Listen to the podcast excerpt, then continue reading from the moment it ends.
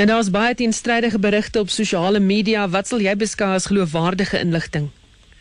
Ja, dit is moeilik om te sê, maar ek dink die die die basiese proses is dat die weermag definitief betrokke geraak by die interne konflikte in ZANU-PF.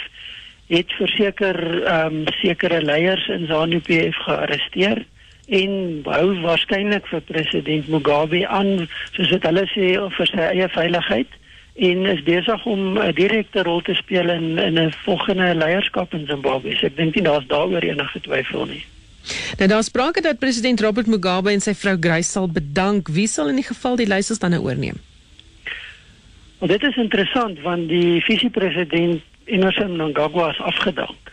So tegnies beklee hy geen pos op die stadium binne ZANU PF nie. Want een van die gerugte is dat hy sal waarneem as president Mugabe terugstaan en dan verkies sal word in Desember by 'n konferensie. So dit is onseker presies hoe hierdie proses bedryf gaan word. Tensy die um, druk op Mugabe so groot is dat hy Mnangagwa se afdanking terugtrek om weer aanstel en dan die proses aan die gang sit. Maar dit is onseker hoe dit op die stadium gaan gebeur.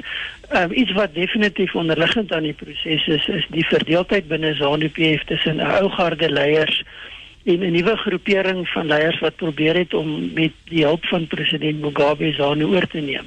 En dit lyk asof die ou garde dit glad nie gaan toelaat nie. So watter invloed het die gebeure op Suid-Afrikaanse politiek?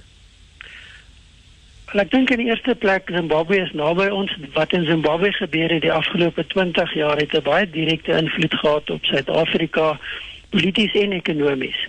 En um, wat daar gebeur gaan nie geen effek op ons nie, maar ek dink op die stadium gaan dit waarskynlik 'n baie beperkte invloed hê en dit gaan afhang van hoe die proses uitspeel. Indien dit 'n vredesame proses is, ehm, 'n um, bloedlose proses is en daar kom redelik vinnig stabiliteit, dan gaan dit waarskynlik of kan dit positiewe gevolge hê.